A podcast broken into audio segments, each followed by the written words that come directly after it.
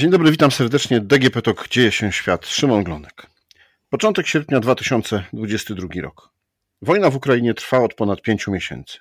Z frontu docierają do nas różne informacje. Raz jest w nich optymizm o przewadze Ukraińców, innego dnia słyszymy o ciężkich ostrzałach, jakie Rosja prowadzi w Donbasie. Rozmów pokojowych nie ma. O tym, co dalej z tą wojną, jak wygląda front, jak się zmienia, no i jakie są rokowania, porozmawiam z Michałem Potockim, dziennikarzem Dziennika Gazety Prawnej. Cześć Michał, witaj. Dzień dobry, cześć. No to co? Byłeś po raz kolejny w lipcu w e, Ukrainie. Jak wygląda życie codzienne teraz, po takim czasie? No, życie codzienne w zasadzie za każdym razem, kiedy tam przyjeżdżam, życie codzienne coraz bardziej zbliża się do normalności. E, jest e, Kijów w zasadzie wygląda już zupełnie normalnie. O tym, że trwa wojna, przypominają, e, przypominają głównie alarmy, alarmy przeciwlotnicze, które wciąż regularnie w zasadzie każdego dnia są ogłaszane.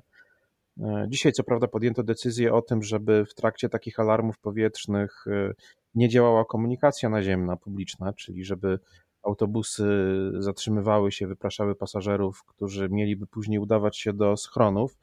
Ja szczerze mówiąc nie bardzo sobie wyobrażam, jak to miałoby wyglądać w praktyce, dlatego że kijowianie w zasadzie już ignorują e, alarmy i no myślę, że będzie to wywoływało więcej irytacji niż, niż, niż, e, niż e, oczekiwanej przez władze reakcji w postaci rzeczywistego schodzenia E, do schronów. E, no, to jest decyzja ogłoszona dzisiaj, zobaczymy, czy ona nie zostanie cofnięta. No, dzisiaj pojawiły się też informacje o tym, że z terenu Białorusi mogą znowu zostać e, wznowione jakieś ataki i ostrzały właśnie w stronę Kijowa. One się zdarzają regularnie, to znaczy z, z, terenu Białorusi rakiety w stronę ukraińskich miast lecą od 24 lutego. Rzeczywiście były tygodnie, kiedy takich doniesień nie było, no ale kilka dni temu mieliśmy, mieliśmy całą serię y, bodajże 30 rakiet wystrzelonych z terenu Białorusi, które właśnie na Ukrainę nadlatywały. No, duża część z nich została zniszczona przez ukraińską obronę przeciwlotniczą, która akurat w okolicach Kijowa jest, jest najmocniejsza i, i broni dosyć skutecznie stolicy. E, natomiast no, te ataki z powietrza one są regularne. Rosjanie atakują co do zasady przede wszystkim e, z trzech kierunków. Z flota czarnomorska, czyli z Morza Czarnego, e, z akwenu Morza Kaspijskiego, e, z terenu Białorusi, no i też są oczywiście ostrzały z terenu z lądu, z Federacji Rosyjskiej i to zarówno rakietowe, jak i, jak i, jak i E, jak i artyleryjskie, przy czym artyleryjskie już z terenów okupowanych. E, Rosjanie korzystają z wszelkich możliwych narzędzi, z wszelkich możliwych miejsc e, ostrzeliwania Ukrainy, a Białoruś jako państwo kompletnie zwasalizowane przez Moskwę, zwłaszcza po, zwłaszcza po protestach w 2020 roku, nie może albo nie chce, albo jedno i drugie jakkolwiek się przeciwstawić takim oczekiwaniom Kremla. No dobrze, jakbyś miał naszym słuchaczom wytłumaczyć, w jakim punkcie wojny jesteśmy, bo przez cały czerwiec dochodziły do nas informacje, że szykujemy się do rozstrzygającej bitwy, że e, Rosjanie zostali powstrzymani, że Ukraińcy szykują się do kontrofensywy. No ale minął lipiec, Rosjanie cały czas ostrzeliwują właśnie albo artyleria, albo z powietrza. E, Ukraińcy jakoś tej kontrofensywy wielkiej nie robią, a jeśli już, to nie w Donbasie. E, I co, ta wojna będzie taką trochę pozycyjną, znaczy metr po metrze będzie wyniszczanie z jednej strony i metr po metrze odbijanie z drugiej strony? No ona na razie taka jest. Ona już jest wojną pozycyjną, wojną, w której obie strony się okopały, wojną, w której można poprowadzić linię frontu, co w pierwszych dniach e, i tygodniach nie było wcale takie, e, takie oczywiste. Ja mam takie wrażenie, że jesteśmy w fazie przejściowej pomiędzy drugą a trzecią, e, a trzecim, a trzecią fazą tej inwazji rosyjskiej. Pierwszą, pierwsza faza to był luty i marzec, kiedy Rosjanie próbowali naraz osiągnąć kilka różnych celów e, wojskowo-politycznych. To znaczy zamierzali swoimi no, niezbyt wielkimi jak na, jak na rozmach planu siłami zająć jednocześnie i Kijów, i Odessę, i całość Ukrainy Południowej, Wschodniej, dojść do linii Dniepru, a gdzie niegdzie nawet, go nawet go przekroczyć, obalić władze ukraińskie, powołać jakiś marionetkowy reżim i ogłosić powrót Ukrainy do, do, do, do, do wschodniosłowiańskiej macierzy, powiedzmy to w ten sposób. Ten pomysł się nie powiódł. Na przełomie marca i kwietnia Rosjanie doszli do wniosku, że do wniosku oczywistego dla obserwatorów jeszcze przed 24 lutego tak naprawdę, natomiast Rosjanom trochę to czasu zajęło, żeby sobie uświadomić rzeczywistość, że 150 tysięcy żołnierzy to jest zbyt mało, żeby myśleć o, o podbiciu i okupacji e, największego po Rosji państwa w Europie. E, wówczas zmieniły się cele, zmieniły się priorytety i mniej więcej e, pod koniec kwietnia, na początku maja rozpoczęła się bitwa o Donbas. Ona pierwotnie zdaje się E, miała polegać na próbie otoczenia silnego zgrupowania ukraińskiego na Donbasie, czyli poprowadzenia natarcia z dwóch kierunków, od północy mniej więcej od strony Charkowa i od południa od strony zajętego Mariupola.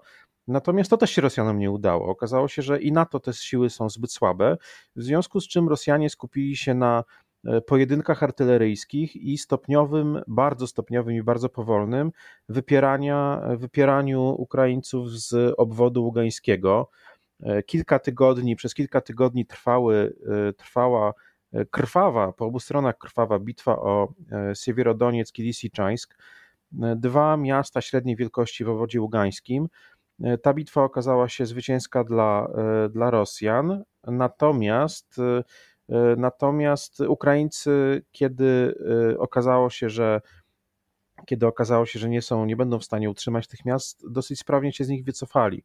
Uniknęli okrążenia, unikli, uniknęli otoczenia, czyli ten cel rosyjski znowu się nie powiódł. I teraz e, ta rosyjska ofensywa e, na Donbasie, ona jeszcze mocniej zwolniła. Co prawda widać pewne akcje zaczepne w kierunku na Bachmut czy na Słowiańsk, ale one są prowadzone z dużo mniejszym rozmachem niż jeszcze miesiąc temu w obwodzie ługańskim. E, jak się wydaje, e, jedną z przyczyn jest, e, jest to, że Ukraińcy wreszcie otrzymali HIMARSy, czyli, czyli artylerię dalekiego zasięgu niebywale precyzyjną, którą regularnie niszczą rosyjskie punkty dowodzenia i składy, i składy amunicji, a ostatnio też mosty na Dnieprze, niedaleko Hersonia.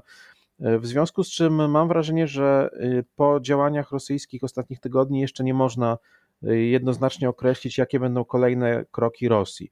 Dotychczas się wydawało, że takim oczywistym e, kolejnym celem będzie e, będzie podbicie reszty obwodu donieckiego. Tam zostało jeszcze jakieś 30-40% terytorium tego obwodu z dużymi miastami, z dużymi ważnymi ośrodkami e, przemysłowymi i administracyjnymi, takimi jak Kramatorsk, Słowiańsk, Konstantynówka, Druszkiwka. E, natomiast e, równie dobrze, i o tym też mówili ostatnio w ostatnich dniach Ukraińcy, e, ale też amerykańscy eksperci, którzy to analizują, równie dobrze ciężar wojny może się przenieść na południe to znaczy na front w obwodzie hersońskim i zaporowskim. Z jednej strony Ukraińcy od kilku tygodni wprost zapowiadają kontrofensywę, zapowiadają zamiar odbicia Hersonia, zapowiadają zamiar wyparcia Rosjan z powrotem za Dniepr na tym obszarze frontu. No i w ostatnich dniach wygląda na to, że Rosjanie zaczynają ściągać w, ten, w te obszary e, w te obszary siły dotychczas stacjonujące właśnie na Donbasie. E, więc być może czeka nas tam e, zaostrzenie, być może właśnie tam Ukraińcy przejdą do kontrofensywy, zwłaszcza, że, zwłaszcza, że tam mają stopniowo, stosunkowo dobrą, dobre warunki geograficzne do, do przeprowadzania jakichś akcji kontrofensywnych. Ale z trzeciej strony dzisiaj pojawiła się też, pojawiła się też informacja e, ze źródeł e, ukraińskich przewidujących, że e, być może kolejne, kolejne akcje zaczepne przeprowadzone na większą skalę to będzie raczej Charków, czyli, czyli ta północno, północna część frontu. W związku z czym mam wrażenie, że jesteśmy, tak jak podsumowując trochę tę część, jesteśmy w fazie takiej przejściowej i nie do końca wiadomo, na czym będzie ta trzecia faza wojny polegała. W wariancie optymistycznym na ukraińskiej kontrofensywie i na próbie odbiciu Hersonia, e, do czego, na co Ukraińcy mają szansę i, i do czego Ukraińcy się przygotowują. W wersji pesymistycznej być może to Rosjanie będą próbowali związać siły ukraińskie gdzieś albo pod Charkowem, albo na Donbasie, albo na południu, ale raczej nie w okolicach Hersonia, ale Krzywego Rogu czy Zaporoża, czyli nieco dalej na wschód. No, z tym mostem, o którym wspomniałeś, tak się zacząłem zastanawiać, jak o tym usłyszałem, no bo z jednej strony sukces militarny, ale z drugiej strony y, sami Ukraińcy muszą doprowadzać do tego, że niszczą infrastrukturę we własnym państwie. No ale na tym polega też wojna. Niszczy się infrastrukturę, z której może skorzystać przeciwnik E, do tego, żeby zaopatrzyć, zaopatrzać, zaopatrywać własne oddziały, albo do tego, żeby prowadzić kontrofensywę. E, pod Kijowem w zasadzie większość mostów została zniszczona e, na mniejszych rzekach prowadzących w stronę takich rzeczach, rzekach jak Irpień na przykład. Tam w zasadzie wszystkie mosty zostały wysadzone przez Ukraińców. W tym momencie te mosty już zostały albo odbudowane, albo, albo w miejscu, gdzie albo tuż obok nich Ukraińcy postawili takie tymczasowe mosty e, pontonowe, czy, czy, czy saperskie, czy e, no, prowizoryczne, w związku z czym tak naprawdę no, w tym momencie e, infrastruktura jest kwestią drugorzędną, chociaż Ukraińcy stosując te, tak jak wspomniałem, bardzo precyzyjne amerykańskie systemy HIMARS, są w stanie uniknąć, uniknąć strat, niepotrzebnych strat E, ubocznych. To znaczy, widać wyraźnie było po tym, w jaki sposób, e, e, w jaki sposób trafiali w most w Antoniwce pod Chersoniem, no, że rzeczywiście ten rozstrzał, ten, ten błąd, który producent reklamował, rzędu kilku metrów, on rzeczywiście w praktyce, w praktyce jest właśnie taki. To znaczy, to znaczy strzelający są w stanie bardzo precyzyjnie E, no z wielu kilometrów, jeżeli są w stanie trafić w konkretny punkt na moście, to znaczy, że rzeczywiście to jest sprzęt, e, sprzęt o niebywałej precyzji, jakiego Rosjanie, jakim Rosjanie nie, nie dysponują. E, I oni nie są w stanie sobie poradzić z Hajmarsami. Dzisiaj jest wiadomość, podał minister obrony Ukrainy Oleksij Reznikow, że kolejne egzemplarze tego zestawu na Ukrainę już trafiły. O broni rosyjskiej mówi się, że jest coraz starsza, tak, że są wyciągane już takie naprawdę zapasy jeszcze z y, prawie czasów ZSRR. No nawet nie prawie, tylko wprost czasów ZSRR. Wielokrotnie Rosjanie stosowali e, w czasie tej wojny na przykład zestawy .u, które formalnie zostały już dawno spisane do rezerwy i zastąpione nowszymi systemami. E, natomiast, e, natomiast no one, wciąż, one wciąż na tej wojnie są stosowane.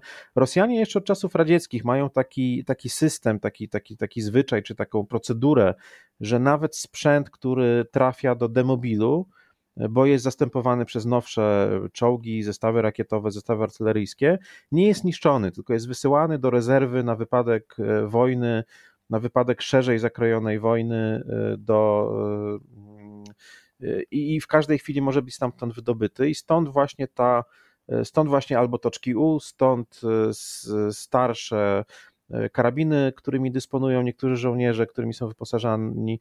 E, stąd e, transporty czołgów z czasów głęboko radzieckich, które, które od czasu do czasu są fotografowane podczas właśnie przerzucania na front ukraiński.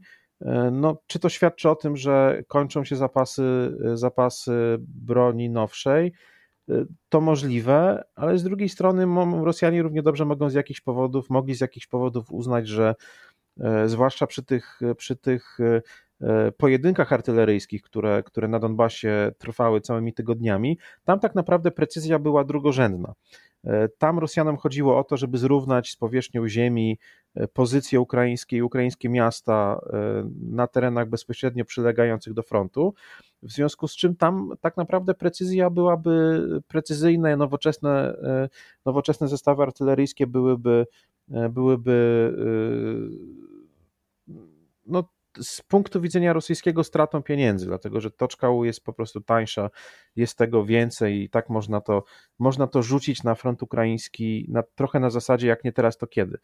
E, natomiast no, wiele wskazuje na to, że rzeczywiście e, patrząc czy analizując na przykład to, czym Ukraina jest ostrzeliwana, e, jakimi rakietami jest ostrzeliwana, to rzeczywiście coraz większy odsetek tych rakiet to, jest, to są systemy to są systemy starsze, pamiętające jeszcze czasy radzieckie. E, to jest, jest to pewna zmiana w porównaniu z początkiem wojny.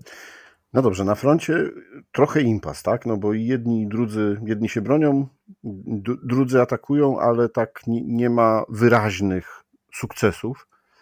A w polityce, czy można powiedzieć, jaki jest teraz plan Putina na to, co chce zrobić? Czy tak jak się mówiło w czerwcu, że ok, zajmie Donbas i da sobie spokój, czy jednak tak jak pojawiają się znowu głosy i Anglików, i Amerykanów, że jest pomysł z powrotem e, ataku na Kijów? E, I o tym zresztą dzisiaj też mówił szef czeskiej dyplomacji w rozmowie z dziennikiem Gazetą Prawną Jan e, Lipawski, że być może Rosjanie będą chcieli powtórzyć atak na Kijów.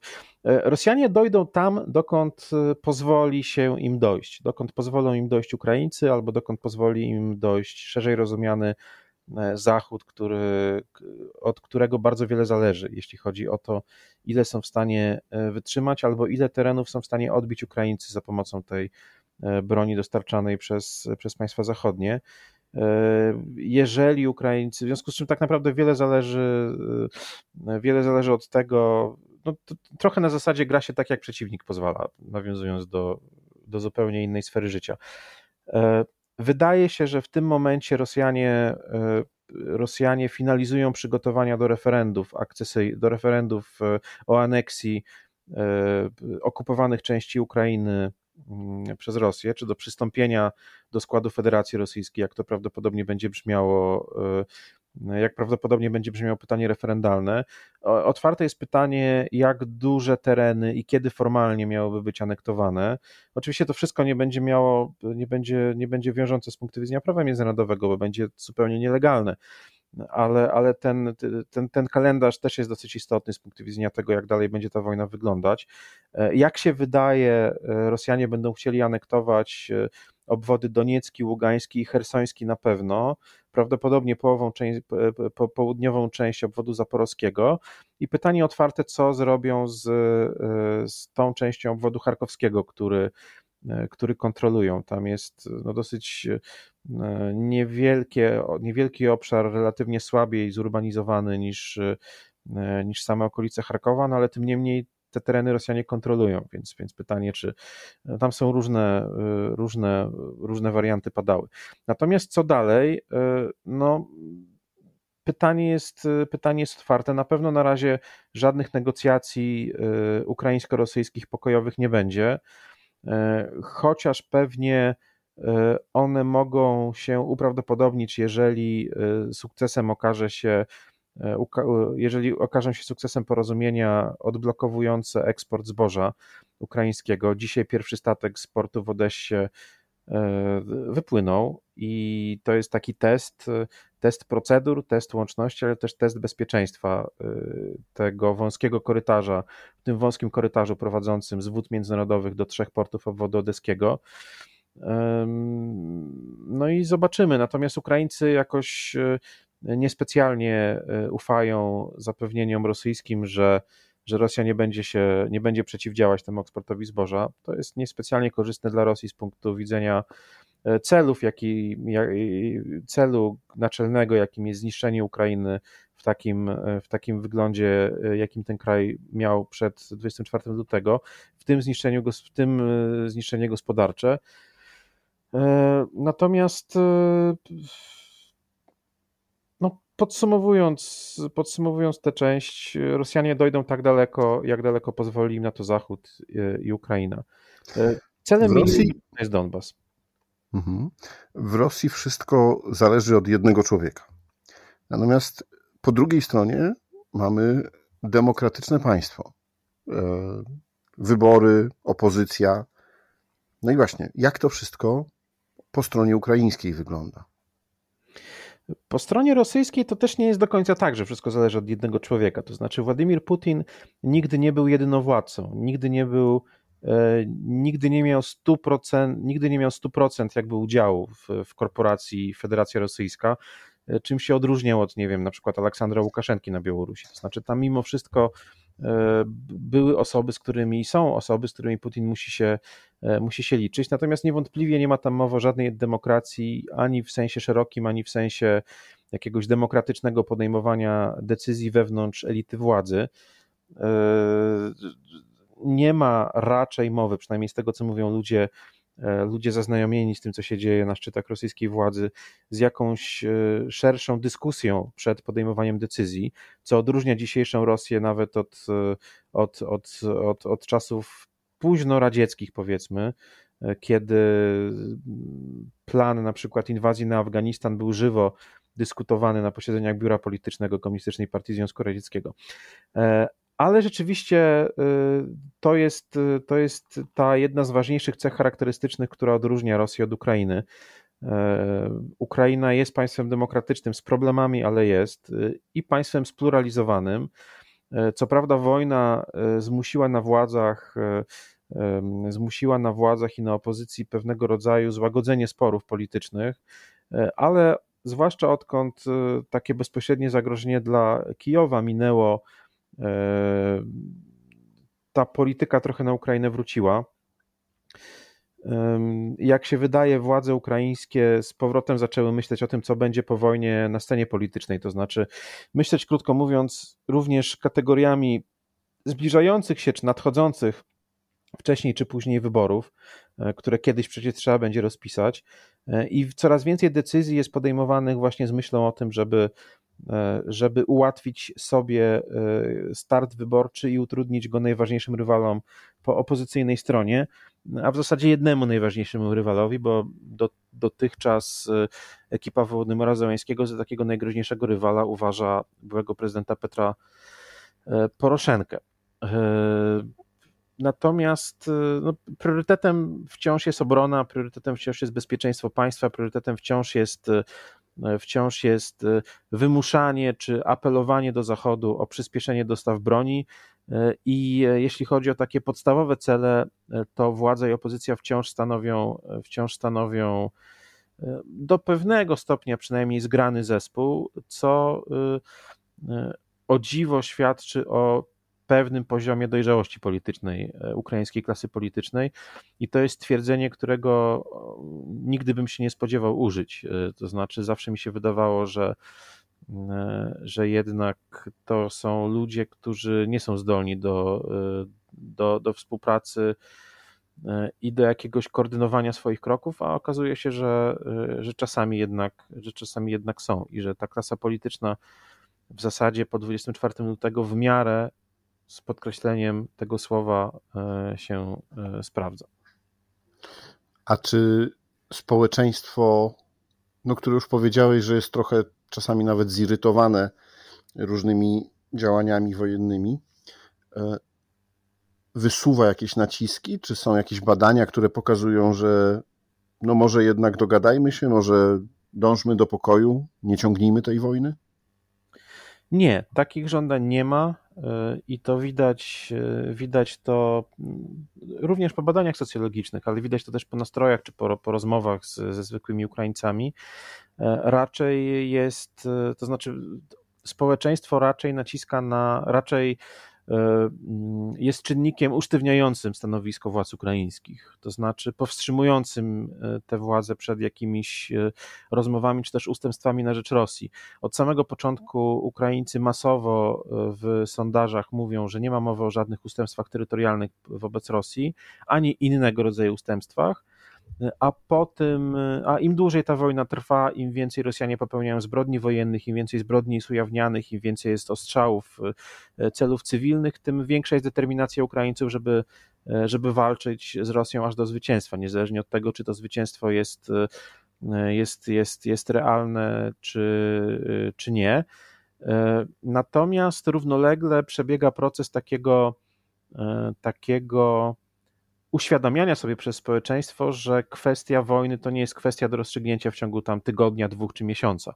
O ile na początku w sondażach ludzie w dużej części odpowiadali, że e, oczekują, że ta wojna się skończy w ciągu kilku dni czy tygodni, e, o tyle teraz w ostatnich sondażach już wyraźnie e, rośnie przewaga tych, którzy spodziewają się, że ta wojna będzie jednak dłużej trwała, że nie skończy się w tym roku i że, że to jest raczej dłuższa perspektywa i że trzeba trzeba państwo przestawiać na tory gospodarki wojennej e, z myślą o tym, że to nie jest kwestia e, paru miesięcy. No cóż, tego niestety nie wie nikt, chociaż każdy by sobie życzył, żeby jak najszybciej ta wojna się zakończyła. No i oczywiście my wszyscy żyjący w demokratycznym, wolnym świecie chcielibyśmy, żeby zakończyła się zwycięstwem Ukrainy. Dziękuję Ci bardzo, Michał, za e, podsumowanie tych wydarzeń ostatnich i za to, co e, ty, tym, czym się podzieliłeś, jeśli chodzi o życie codzienne na Ukrainie. Dziękuję serdecznie i do usłyszenia. A to było DGP Talk Dzieje się świat. Rozmawiał Szymon Glonek. Do usłyszenia.